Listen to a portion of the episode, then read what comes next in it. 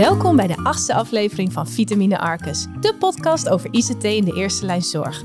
Vandaag is Kevin Groen aangeschoven. Kevin is commercieel directeur bij Security Hive en helpt hiermee talloze organisaties met toegankelijke security oplossingen. Uiteraard zit ook co-host Habibou Banabdella aan tafel, ICT-adviseur eerste lijn zorg vanuit Arcus IT. We gaan het vandaag hebben over informatiebeveiliging en Security Hive. Welke valkuilen of misvattingen ziet Kevin ontstaan in de eerste lijn zorg als het gaat om security? Ben je als huisarts of apotheek wel echt zo'n doelwit? Wat doen de oplossingen van Security Hive? Hoe werkt het in de praktijk en wat levert het op? Genoeg te bespreken. Let's go! Welkom bij Vitamine Arcus, de podcast over ICT in de eerste lijn zorg. Kevin, welkom bij Vitamine Arcus. Superleuk dat je bent aangeschoven. Uh, wil je even introduceren om te beginnen? Ja, dankjewel. Um, ja, nou, ik ben Kevin Groen van Security Hive. Ik ben commercieel eindverantwoordelijk en wij zijn een Nederlandse cybersecurity fabrikant. Um, ja, die onder andere met Arcus uh, bedrijven beveiligt. Leuk. En kun je daar wat meer over vertellen? Met welk doel zijn jullie bijvoorbeeld ooit begonnen? Ja, we zijn eigenlijk gestart omdat het onderwerp cybersecurity heel erg complex is. Ik heb uh, best wel een achtergrond ook binnen cybersecurity waarin ik dat ook heb ervaren. Um, en om dat makkelijk te maken hebben wij uh, ervoor gekozen om het zelf te doen. Dus dat wil zeggen, uh, producten makkelijker, communicatie makkelijker. je kan namelijk heel snel verzuipen in wat er allemaal mogelijk is. En dat op een andere manier doen. Dat was onze beweegreden. Leuk. Um, en we hebben het vandaag natuurlijk over de eerste lijn zorg. Ja. Um, wat voor misvattingen of valkuilen zie jij nou ontstaan in die, in die markt als het gaat om security? Ja, wat ik zie, uh, niet alleen bij eerste lijn zorg, maar uh, over het algemeen is dat er vaak gezegd wordt van wij zijn geen bank, waarom zijn wij interessant? Er is hier niks te halen, uh, we hebben geen geld erop staan of wat dan ook. Um, en dat is de grootste misvatting, omdat dat ook een van de weinige reden is om te, be, om te hacken. En er zijn heel veel andere redenen om het juist te doen. En dat levert vaak ook meer op. Dus want, ja, wat zijn die redenen dan? Daar ben ik wel benieuwd naar. Um, ja, het zijn verschillende redenen. Dat is vaak informatie. Hè? Data, dat is, uh, wordt wel vaker gezegd, het, het zwarte goud. Mm -hmm. uh, of het nieuwe goud ten opzichte van, uh, van de olie. En um, wat het heel erg is, is dat je met die informatie kun je of bedrijven chanteren als dat heel gevoelig is. Ja. Je kunt dat doorverkopen. maar ook kun je bedrijven chanteren door ze digitaal op slot te zetten. Dus om wil je het eens concreet maken, bijvoorbeeld voor de huisarts, die heeft gegevens over patiënten natuurlijk. Uh, wat, zou er, wat is nou voor een hacker interessant? Wat zou jij, als jij een hacker was, wat zou jij doen om de, uh, succesvol te hacken bij de huisarts? Wat zou je vervolgens doen met wat je hebt gedaan? Um, daar zou ik twee dingen mee doen. Ik zou huisartsen, als ik die gehackt zou hebben, zou kunnen chanteren. Um, het is namelijk heel belangrijk voor een huisarts om de informatie die zij hebben goed te beveiligen, om daar goed mee om te gaan. Dat is heel erg gevoelig. En ten tweede zou ik de medische informatie zou ik te koop zetten op het dark web. En want wie gaat dat dan kopen? Um, dat zijn heel veel partijen, dat is allemaal anoniem. Dus je weet niet wie dat allemaal uh, daadwerkelijk heeft gekocht. Ja. Maar medische informatie is meer waard op het dark web dan dat bijvoorbeeld financiële informatie is. Want wat hebben ze daar dan aan, aan die medische informatie? Uh, heeft dat dan nog een doel of kunnen ze daar iets meer mee? Uh... Hoe kunnen ze eraan verdienen uiteindelijk? Ja. ja. Ja, dat is iets. Uh, dat, dat is best wel heel veel uh, verschillende dingen die ze daarmee kunnen doen. Uh, vaak wordt die informatie doorverkocht ja. aan andere partijen, aan andere landen die daar iets mee kunnen. Ja. wordt ook vaak ingezet voor marketingdoeleinden bijvoorbeeld. Ja. Dat is best gek, maar dat wordt wel daarvoor gebruikt. Maar er worden ook onderzoeken op gedaan van nou, als wij zien dat zoveel procent van een bepaalde doelgroep bijvoorbeeld bepaalde klachten hebt, dan kun je enerzijds iets goeds mee doen, maar dan kun je ook iets kwaads mee doen. Ja, um, en vaak vooral het kwade is juist het ding waar je voor moet behoeden. Hm. En als je dan inderdaad, als je dan uh, bijvoorbeeld een huisartspraktijk zou hacken, kan het dan zo zijn dat ze dan ook echt heel, uh, helemaal hun werk niet meer kunnen doen? Um, ja, zeker. Als je kijkt naar een huisarts, als ik mijn afspraak wil maken, um, is dat digitaal in een systeem. Ja. Uh, informatie die zij uh, van mij moeten vinden, van mijn medische achtergrond, staat allemaal digitaal opgeslagen. Ja, ja. Um, ja, op het moment dat je die informatie niet hebt, dan kun je uh, volgens mij ook niet eens een medicijn toedienen of, of voorschrijven. Ik kan me voorstellen dat dat natuurlijk echt wel uh, ernstige gevolgen kan hebben. Hè? Ik bedoel, uh, je hebt toch te maken met mensenlevens hè, bij een praktijk. Ja. Want het kan zomaar zijn dat er iemand uh, aanklopt bij de huisarts... die echt met een hele kritische... die zich in een kritische toestand bevindt... en dan niet geholpen kan worden. Dat is, ja, dat klopt. Dus, ja. dat, dus het kan ook inderdaad een kwestie van leven en dood zijn. Ja. Klopt, ja. Um, ja. ja, zeker. En, en je zei in het begin van hè, we hebben uh, een manier ontwikkeld om het wat eenvoudiger te maken. Kun je wat meer vertellen over wat jullie dan daadwerkelijk voor producten hebben ontwikkeld om ja, de, de huisartsenpraktijk of de apotheek of de tandartspraktijk te beveiligen. Ehm, en die eigenlijk heel eenvoudig zijn in gebruik. Ja, ja, wat we eigenlijk hebben gedaan is, we zijn begonnen bij een probleem. Um, problemen die we oplossen zijn in eerste instantie het inzichtelijk hebben van waar zitten mijn, mijn risico's, hè, waar, waarvoor, waar ben ik eventueel kwetsbaar en wat kan ik daaraan doen. Dus het inzichtelijk maken is één product en dat, uh, de term daarvan heet vulnerability management, kwetsbaarhedenbeheer. Dat is uh, daadwerkelijk een, een softwareprogramma wat we hebben gemaakt, waarmee je continu je netwerk, dus je internet, zowel aan de binnenkant als de buitenkant, kan scannen. Er komen allemaal bepaalde kwetsbaarheden uit. Dat kan zijn dat een netwerkpoort open staat die uh, dicht moet zijn. Uh, dus denk aan een achterdeurtje wat je niet open wil laten staan. een softwareprogramma wat, wat kwetsbaar of zwak is, wat makkelijk gehackt kan worden, wat geüpdate moet worden. Het zijn heel veel verschillende dingen die we daarmee kunnen vinden. Dus dan krijg je dus het inzicht wat je nodig hebt om je huidige situatie op orde te brengen. Dus dat is het eerste probleem wat we oplossen. Het volgende probleem is dat bedrijven vaak niet weten of er al iemand binnen zit of niet.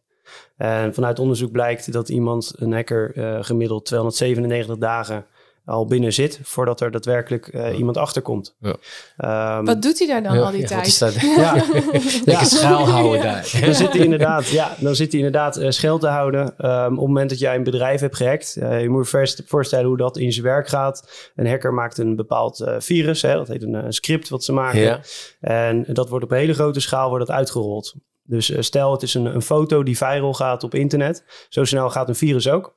En uh, vaak nog wel sneller zelfs. En op het moment dat er een systeem, een apparaat, kan een telefoon zijn of een, of een uh, computer, als die op een gegeven moment gehackt is, dus er zit een virus op en die computer maakt verbinding met het internet, dan pas weet de hacker van, ah, oké, ik heb nu een apparaat gehackt. Dus dat ontkracht ook gelijk uh, de gedachte die er vaak is, wij zijn geen bank, wij zijn geen doelwit. Uh, dat klopt, ze gaan ook vaak niet specifiek op een bepaald doel af. Het is letterlijk schieten met hagel. En als ze dan een bedrijf hebben gehackt, dan pas gaan ze achter de knoppen zitten. En uh, dan begint eigenlijk het spel voor de hacker. Die 297 dagen, dat komt eigenlijk omdat die verkenningsfase, die eerste fase die je dan hebt, die, daar nemen ze goed de tijd ja. om uh, enerzijds niet gevonden te worden en anderzijds zoveel mogelijk informatie te verzamelen over het bedrijf waar ze zitten. Okay. En hoe eerder je erachter komt, hoe kleiner ook de impact is uh, in, in het oplossen daarvan. Ja. Want als je dus wacht tot de hacker uiteindelijk alles heeft wat hij nodig heeft, ja, dan gaat alles op een gegeven moment op slot en dan begint het andere spel. Ja. Ik denk ook dat, dat dat een beetje een misvatting is. Hè? Ik had dat ook toen jij dat voor het eerst vertelde, dat je toch denkt, ja, nu, ik denk nu dat wij niet gehackt zijn, omdat alle systemen het nog doen en ja. ik heb ja. nog geen mailtje gehad van uh, je moet me dit en dit betalen. Dus ik, je hebt ergens het idee van zolang ik niks hoor, zal het wel goed zijn. Klopt. Ja. Maar dat is heel erg lang wat ze, dat zo'n hacker zich dan verstopt uiteindelijk. Ja, ja. ja dat klopt. En uh, het kan zijn dat het op een gegeven moment op gaat vallen, omdat er systemen zijn die daar uh, jou van op de hoogte kunnen stellen. Ja. Dat is het probleem wat we daar ook in oplossen. We zorgen dat een alarm afgaat, zodat je daar ook snel achter komt. En dat gebeurt al tijdens die verkenningsfase. Um, ja, en als er, dat is het lastige van het digitaal werken en, en van het hele IT-stuk. Uh, je ziet het niet. Hè, het, is, uh, het internet is hier wel, maar ja. je ziet het niet. Ja. En dat is natuurlijk met hackers ook zo. Die kunnen nu in je systeem zitten zonder dat je dat door hebt. Je gaf net inderdaad aan van, uh, uh, ja, er wordt steeds meer gehackt, hè, want die trend is echt ongelooflijk. Hè, dat, die, die, die percentage gaat maar omhoog en omhoog. Heeft dat ook te maken omdat iedereen ook gewoon toegang kan krijgen tot dat soort tools om, om, om te hacken. Hè. Het is, uh, je gaf net inderdaad aan, je moet niet denken dat je geen doelwit bent. Hè. Uh, er wordt eigenlijk lukraak geschoten en daar waar we een keer beet hebben, daar gaan we mee aan de slag. Ja. Uh, dus dat zou inderdaad ook voor, voor de eerste lijn zorg klanten ook zo, zo kunnen zijn. Maar is die, is die stijging, komt dat ook met name door dat gewoon steeds meer mensen daar gewoon toegang tot krijgen om, om tools te kunnen kopen op dark web en gewoon lekker aan de slag te gaan? Ja. Met het hacken van uh, organisaties? Ja, wat het is, je kan inderdaad heel veel gratis tools zelfs ja. vinden op het internet en downloaden en gebruiken. Inclusief handleidingen, hoe je bepaalde virussen kan gebruiken en misbruiken. Ja. Kan je allemaal vinden op het dark web. Um, de pakkans is heel klein. Dit is de voornaamste reden waarom dit onwijs groeit. Ja. Dus uh, als jij een fiets ergens steelt, is de kans aanwezig dat iemand dat bijvoorbeeld uh, vindt of dat, of dat hij jou doorhebt. Um, ja, en digitaal kan het zijn dat een, een persoon uit een heel ander land ineens in jouw systeem zit zonder ja. maar zijn kamer uit te, uit te hoeven bijvoorbeeld. Ja, dus hij kan dat vanaf overal doen. Je hoort toch ook steeds vaker dat dan, dat dan kinderen van 13 of 14 zijn opgepakt omdat ze weer iemand gehackt hebben. Dus je hoeft er niet meer heel uh, Ja, daarom is het wel echt een, een, een, een, ja, een gevaarlijke ontwikkeling wat zich blijft voortzetten en, en waar iedereen zomaar toegang kan, tot kan krijgen die, die kwade bedoelingen heeft. Ja. Dus dat, en Habib, jij komt natuurlijk veel over de vloer hè, bij de eerste lijn zorg, veel bij huisartsen. Um, wat zie jij wat hun bewustwording is op dit gebied? Wordt er al veel aan gedaan? Want hè, we hebben vastgesteld dat het risico hoog is. Maar... Nou, ik denk dat er wel wordt nagedacht over, over veiligheid. En dat is dan wel een ontwikkeling van nog niet zo lang geleden. Hè. Ik uh, ben wel van mening dat dat, dat, dat iets te lang heeft geduurd. Hè. Door ja, de, de beperkte financiële middelen zijn er wel vaker andere prioriteiten gesteld, waardoor veiligheid niet altijd op nummer één kwam. Maar ik merk nu wel, en zeker het afgelopen jaar, dat dat wel aandacht krijgt. Maar ik ben wel van mening dat ze zich niet helemaal bewust zijn van oké, hoe beveilig ik me, ik me daar uh, tegen? Want uh, ik denk dat er vaak inderdaad ook de aanname wordt gedaan van, joh, uh, ja, we hebben jullie toch Arcus IT als ICT-leverancier. jullie regelen dan toch ook de beveiliging. En natuurlijk regelen we een bepaalde mate van beveiliging, maar niet, ja, dat gaat ook maar tot een bepaald niveau. En ik denk dat daar wel een misvatting zit. Van, joh, weet je, dat zit allemaal goed. Hè? Of dat doet mijn applicatieleverancier wel, of dat doet mijn provider wel. Klopt, ja. Maar er is natuurlijk veel meer dan dat. En zeker nu ook met de ontwikkelingen van vandaag de dag, dat dat, uh, ja, dat, dat gewoon overal te verkrijgen is voor iemand die, die kwade bedoelingen heeft. Dus ik denk dat daar nog wel veel terrein, uh, dat daar veel winst te behalen is voor, uh, voor de eerste lijn zorg om zich ook op die manier te gaan beveiligen. En, ja, wat je heel erg ziet is, is dat de afgelopen jaren waren een aantal maatregelen voldoende. Hè, de standaardmaatregelen van, van drie, vier jaar terug was, was oké. Okay. Um, en dan hebben we het over antivirus en een firewall. Ja. Um, dus letterlijk je, je poort goed op slot zetten en dicht houden. maar tegenwoordig is dat niet meer genoeg, omdat dat heel makkelijk omzeild kan worden. Hè? Dus de innovatie bij de hackers gaat onwijs hard. Ja. Er is namelijk heel veel geld, want vanwege de hacks die succesvol zijn en de ransomware die zij uh, bemachtigen, hebben ze heel veel funding om weer opnieuw te innoveren. Ja. En dat is bijna onbeperkt ten opzichte van hoe het in de verdediging zit. Ja. Omdat dat niet het businessmodel is. Hè? Je bent gewoon bezig als, als huisarts om je patiënten te helpen. Ja. En uh, niet om je IT-beveiliging nee, uh, nee, te doen. Daar staat de zorg, dat, dat kost geld. Precies. Ja. ja. En wat je dan heel erg ziet, is dat die bedrijven uh, die dat dan doen, die doen dan inderdaad de aanname van het zit goed. En je moet eigenlijk jezelf en de partner de vraag stellen van is het nog goed genoeg? Ja. En dan begint eigenlijk het echte gesprek wat je moet voeren. Ja, want eh, wat, wat, wat, wat, wat mij opvalt is dat, uh, is dat uh, mijn klanten in ieder geval de beveiliging zien als van nou weet je, dat doen we een keer. Het is niet, het, het idee leeft niet van oké, dit is eigenlijk een continu proces. Dit moet constant gescand worden, want die gevaren liggen constant op de loer. Dat idee heb ik niet. Oké. Uh, dus uh, ik vraag me af hoe, hoe, hoe we die bewustwording zeg maar, kunnen vergroten bij, bij, bij de doelgroep. Om eens te kijken van, hé, hey, uh, let op. Dit is niet steeksproesgewijs een keertje een, een scannetje doen en je bent klaar. Dit is toch wel iets meer dan dat. Ja. En misschien ook de realisatie dat ehm, het nooit 100% kan zijn. Je kan volgens mij niet zeggen, je bent 100% beveiligd. Dus het is volgens mij aan de ene kant zorgen dat die kans in ieder geval zo klein mogelijk is. Ja. En aan de andere kant ook de rekening mee houden dat het wel een keer misgaat. Ja. Eh, wat voor advies heb jij daarover, Habib? Hoe kun je daar nou op voorbereid zijn? Of wat kun je doen dat mocht het wel een keer... Hè, je hebt alles geïnstalleerd, alles goed, alles wat er voorhanden is heb je gedaan. En het gaat toch een keer mis. Wat moet je dan van tevoren al eigenlijk op orde hebben... om te zorgen dat de gevolgen zo klein mogelijk zijn? Nou ja, in ieder geval moet je de basis security op orde hebben. En dat zijn zaken die wij natuurlijk uh, goed kunnen organiseren. Uh, hè, dat betekent dat je werkplek veilig moet zijn. Dat je multifactor authenticatie mo moet hebben. dat soort zaken. Hè, dat je dat, dat je een werkplek hebt die een, een, een basissetting heeft aan, aan beveiliging, dat minimaal. Maar daarnaast uh, moet je inderdaad ook gaan kijken naar een stuk bewust, bewustwording. Hè? Uh, en inderdaad ook veel meer op device niveau gaan kijken van hey, welke apparaten heb ik allemaal in mijn praktijk staan die mogelijk een kwetsbaarheid uh, kunnen hebben. ik denk wel dat dat, dat dat nu wel de volgende stap moet zijn. Ja. Weet je? Ik, ik ben me wel van bewust dat dat nog niet leeft. dat men nog niet zo ver kijkt. Maar dat moet wel zeker de volgende stap zijn. Omdat, wat, uh, uh, wat Kevin ook zegt, ja, die innovaties ook op het stukje hacken, dat gaat, dat gaat enorm snel. Dat houden wij zelf ook niet bij.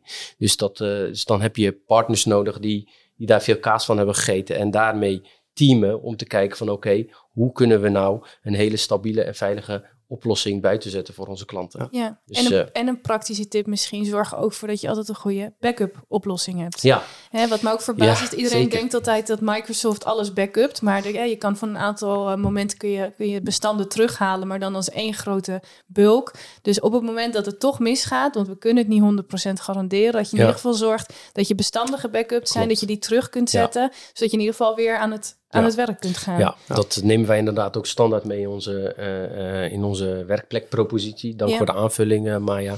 Maar dat is inderdaad wel iets uh, wat je daar wel tegenover kunt zetten. Dat op het moment dat er een keer wat gebeurt, dat je in ieder geval nog wel wat data terug kunt zetten. Ja, Hè? Dat je niet helemaal gegijzeld bent en dat je echt afhankelijk bent van de eisen van een, van een, van een hacker. Ja. Nou, het mooiste is natuurlijk als het niet voorkomt. En dat brengt me weer even terug bij, bij jou, Kevin, met, de met de honeypot. Want daar hadden we het eigenlijk net over. Dat noemen jullie, noemen zo dat uh, die honeypot die herkent op het moment dat er een hacker in je systeem zit, al is dat al honderd dagen of, of wat dan ook, uh, kan die hacker die honeypot zelf niet zien, andersom? Nee, ja, dat is inderdaad wel een goede vraag. Uh, die krijgen we wel vaak. Het is een, een honeypot moet je eigenlijk zien als een lokfiets, wat de politie gebruikt om uh, fietsendieven in een bepaalde regio ja. te vinden. Ja. dus er zit een sensor in. Als die fiets in beweging is, kunnen ze er achterna. En dan heb je hem ja, gelijk op hete daad kunnen betrappen. Datzelfde doen we eigenlijk ook digitaal. Um, een honeypot, dat is eigenlijk een apparaat wat een nepapparaat is. Dus denk aan een, een neppe laptop, een nep uh, printer, een nep toestel of iets anders wat in het, in het internet ja. zit. En die doet zich voor zoals dat systeem. Een hacker zit in, in de omgeving. Die gaat een verkenningsfase in. Dus wat is de eerste actie die hij doet? Die gaat een scan doen om te achterhalen van wat zit er allemaal hier uh, in, het, in, het, in het netwerk. En tijdens die scan, dan breng je dus alleen maar in kaart wat er is. Maar wij hebben al een melding afgegeven. Maar dan weet hij nog steeds niet wat het is. Hij krijgt een lijst terug met allemaal informatie. Nou, er staat een printer. Ik zie ook nog een, een handscanner bijvoorbeeld. Ik zie ook nog een, uh, een VoIP-toestel. Uh, maar hij weet niet of het nou een echte printer is of niet. En ja. dan moet hij hem toch gaan bekijken. En kijken van wat zit er allemaal achter. Nou, op het moment dat hij dat bekijkt, dat wordt nog steeds nagebootst, verzamelen we de informatie die daar uh, op te vinden is. Dus als er inlogpogingen uh, zijn, als iemand uh, vanuit het apparaat netwerkverbindingen opzet of, of andere commando's uitvoert bijvoorbeeld, ja. dus echt het systeem verder probeert te hacken, dat wordt gelogd. En uiteindelijk zal hij dat wel vinden van, hé, hey, dit is toch geen echt apparaat, maar dan heb je al een alert ontvangen en alle informatie over de hacker. Ja. Dus het primaire doel is een alert afgeven, zodat je erachter bent dat er iemand binnen zit. En het, daarna is het het verzamelen van informatie. En wat doe je dan als dit alert komt? Ja, dan uh, begint eigenlijk het spelletje om die hack live te stoppen. Um, en dat zijn wel leuke cases, want daar hebben we een aantal ook al van uh, uh, meegemaakt. En wat er dan gebeurt, is dan zie je dat mensen uiteindelijk... Je kan natuurlijk de informatie die je uit zo'n alert krijgt... dus denk aan vanaf welk systeem, vanuit een, welke netwerkpoort is iemand binnengekomen... zelfs vanuit welke locatie. Ja. Dus je kunt zelfs zien in welke stad. Nou zou je dat eventueel als hacker kunnen nabootsen. Dat ik vandaag ineens in Brazilië zit bijvoorbeeld, terwijl dat niet zo is. Dat is mogelijk, dus dat is altijd nog wel fictief. Maar je kunt wel achterhalen waar die allemaal zit en op welk apparaat. En dan kun je dat apparaat van het netwerk afsluiten en dan kan hij niet meer verder. Ja. En uh, als we hem dan een beetje plat slaan, dus ik ben een zorgmedewerker, ik krijg een alert. Wat krijg ik dan? Krijg ik dan een mailtje binnen? Wat, wat zie ik? Wat gebeurt er? Gaat er een alarm af? In je... ja, nee, klopt. Je krijgt uh, ja, eigenlijk een notificatie waar je dat wil hebben. Ja. Uh, doorgaans wordt dat via monitoring e-mail verstuurd. Ja. Of via Microsoft Teams of Slack. Ja. Uh, SMS kan die ook binnenkomen of andere tooling. In dit geval met Arcus komt die bij Arcus binnen, zodat Arcus IT daarop kan reageren. En het enige melding die dan de huisarts krijgt is van nou, we hebben een hacker gevonden en die hebben we gestopt. Oké, okay, dus dat gaat eigenlijk automatisch gaat het dan naar ons toe. Ja. En wij zorgen ervoor dat, dat, dat die component dan even uit het netwerk wordt gehaald zodat het weer veilig is. Ja, precies. Ja, want okay. ik, ja, jij zegt heel makkelijk, die moet je die buitensluiten van het netwerk. Nou, ik zou om te beginnen geen idee hebben hoe je dat moet doen. Is het dus zo dat als je dat als huisarts gaat gebruiken, dat je er altijd wel een partij bij moet hebben die het voor je gaat oplossen? Of kun je zelf ook, ja, dan moet je waarschijnlijk heel handig zijn. Het is ja. niet eenvoudig om te zeggen, oh, dit is hem, ik klik hem aan, verwijder en Nee, dat is wel inderdaad, er gaat wat onderzoek aan uh, vooraf. Uh, zoals ik zei, je moet dan in de firewall bijvoorbeeld gaan kijken van welke uh, verbindingen zet hij nog meer op. Want het is nu één systeem, maar het kan zijn dat hij op een tweede systeem al zit. Ja. Ehm, dus dat moet je achterhalen. En het eerste wat je moet doen is het netwerkkabel eruit trekken, mocht dat in de praktijk gebeuren. Ja. nooit het stroom uitzetten van apparaten, dus niet een, een systeem uitschakelen. Op het moment dat je dat doet, is de loginformatie die wordt verzameld, die is weg. Dus dan kun je ook niet meer terug uh, herleiden waar iemand allemaal is geweest. Uh, dus de footprint, hè, dus de, dat, dat ben je dan kwijt. Maar de netwerkkabel, uh, verbreken, zorgt ervoor dat hij niet meer verder kan. Ja, ja. dus even samengevat. Met behulp van jullie oplossing kun je aan de ene kant kijken welke achterdeurtjes staan er open in mijn netwerk. Dus waar kunnen ze überhaupt makkelijk binnenkomen en die dan dicht zetten of dicht laten zetten. En aan de andere kant met die honeypot kun je dus achterhalen, oké, er zit iemand in mijn netwerk die mhm. probeert nu iets te doen, ik moet ingrijpen. Ja, ja, Dus proactief eigenlijk al uh, de schade beperken voordat het... Uh... Ja, en dan hebben we zelfs nog een, uh, een derde oplossing. en met die oplossing, daar kun je het phishing probleem ook mee oplossen. Ja. Um, kijk, phishing is een, is een middel wat door hackers heel goed uh, ingezet kan worden om op systemen uh, binnen te komen. Ja. Hè? Dus uh, je hebt een linkje of een bepaalde PDF-document bijvoorbeeld, wat je meestuurt in een mail. Iemand anders klikt op die mail, opent een document en daarmee wordt een, een virus gestart. Ja. De installatie van een virus wordt gestart. Dus het systeem kan overgenomen worden. Um, wat vaak wordt gedaan is dat een phishing domein, of sorry, een e-mail domein, dus uh, letterlijk bijvoorbeeld arcusit.nl is een domein, nu.nl is een domein, ja. dat kan nagebootst worden door een hacker. Dus dan lijkt het of het een medewerker is, een collega of, of een, iemand, een leverancier waar je mee mhm. samenwerkt bijvoorbeeld. Terwijl dat niet zo is. En dat, wordt ervoor, of dat zorgt ervoor dat iemand de mail ook vertrouwt en eerder geneigd is om te klikken. Um, in ons geval kunnen wij ervoor zorgen dat het maildomein niet misbruikt kan worden.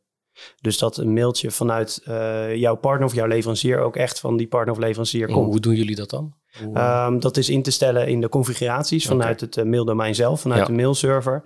En wij meten of die configuraties goed staan. Als dat niet zo is, geven we dat door, inclusief uh, tips hoe je dat kunt aanpassen. Mm -hmm. En als die uiteindelijk goed staan en die configuraties worden veranderd, om wat voor reden dan ook, krijg je daar ook een alert voor. Oké. Dus eigenlijk uh, hoef je daar als uh, zorgmedewerker verder ook niet meer over, over na te denken. Ja. En als ik nou zeg, ja, dit ga ik gebruiken, is het, ben ik dan helemaal, uh, zit ik dan helemaal gebakken? Ben ik dan helemaal veilig of is het een, een stapje naar? Dit is inderdaad een stapje naar. Um, er zijn, dat, dat is het, eigenlijk de reden waarom cybersecurity ook best wel complex wordt.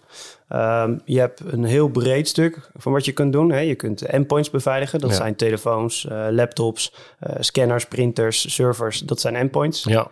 Uh, je kunt het netwerk beveiligen, dus je internet. Je kunt de servers beveiligen, of die nou in de cloud staan of op je eigen omgeving. Mm -hmm. En daarin kun je ook weer de diepte in. In onze omgeving of in, in, met onze oplossingen zorg je eigenlijk dat je voorkomt dat er misbruik gemaakt kan worden van de situatie hoe die nu is. Dus zwakke plekken, achterdeurtjes, dat soort zaken. Dat los je daarmee op. Um, wij voorkomen dat het maildomein misbruikt kan worden. Uh, maar je hebt nog steeds een antivirus nodig. Je hebt nog steeds een firewall nodig. Ja. Uh, in het geval van een detectie kunnen doen op een hacker, doen wij dat in het netwerk. Het zou ook goed zijn om dat ook op je endpoint zelf te doen. Dus uh, ook daar weer op, ja, met ons binnen het netwerksegment vind je een aantal dingen af. Maar ik zou altijd adviseren, de basis moet ook aangevuld worden met een antivirus, een firewall. Ja, en ik zou daar ook de standaard security, wat ik zojuist eigenlijk al noemde. Ja, en een goed paswoordbeleid. Ja, Die, uh, die de werkplek uh, nodig heeft. Ja.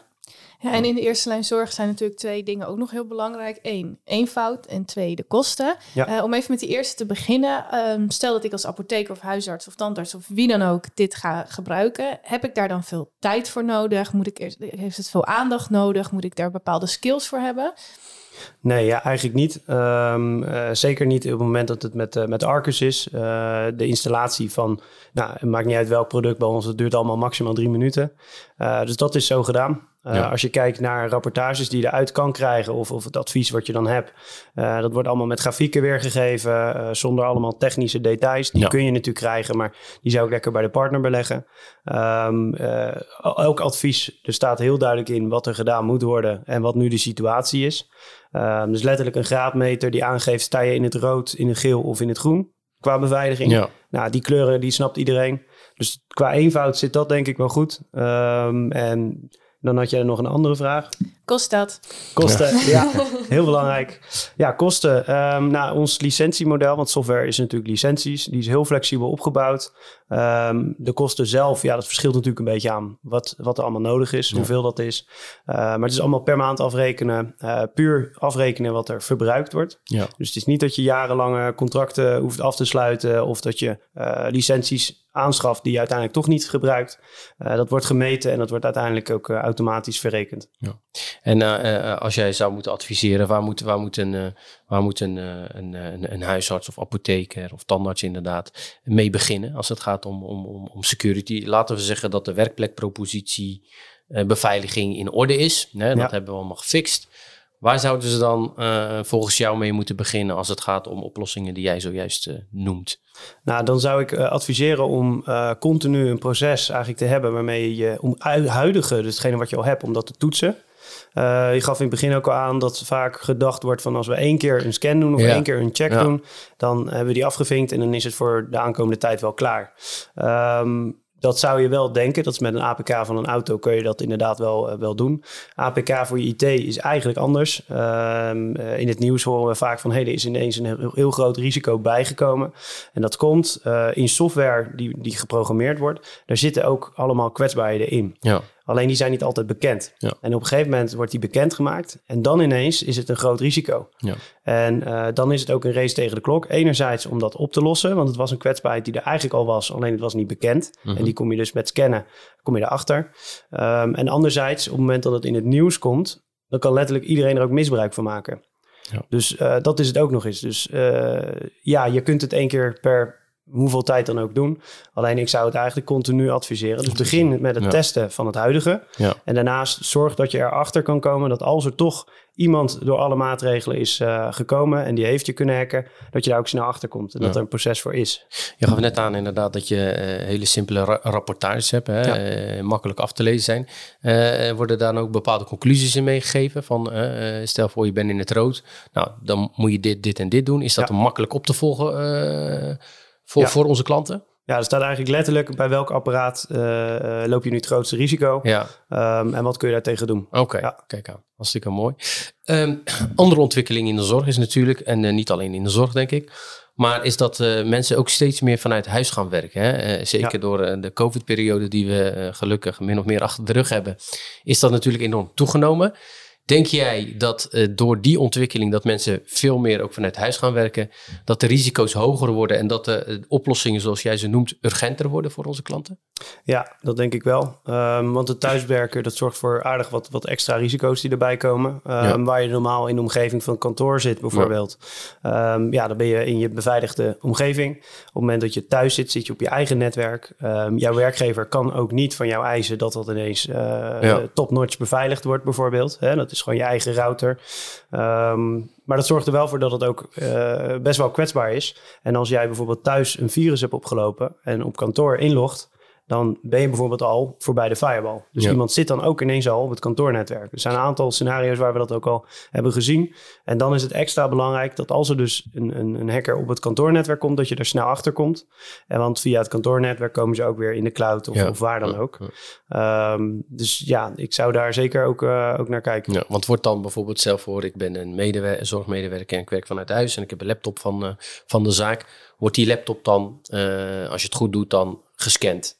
Ja. Uh, dus dan ja. uh, weten we eigenlijk al vooraf van nou, er is iets mis mee of niet. Ja, okay. ja het voordeel van uh, het scannen is, is of als een laptop dan, ook al is die een tijdje geleden op kantoor geweest, ja. um, wij zien welke applicaties erop draaien. En als er ineens een applicatie is die kwetsbaar blijkt, ja dan hebben we die informatie al. Dus dan okay. kun je daarop acteren. Okay. Dus al staat het apparaat uit, je ja. weet dat die hem heeft. Uh, ja. Dus als die online komt, ja. kan je daar gelijk op acteren.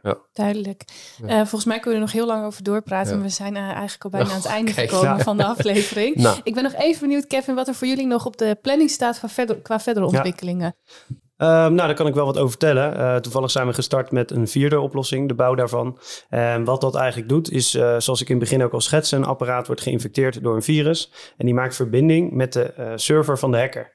En die verbinding, die gaan wij blokkeren. En um, ja, ik kan er nog niet heel veel over vertellen, maar dat is een nieuw product wat we nu in ontwikkeling hebben.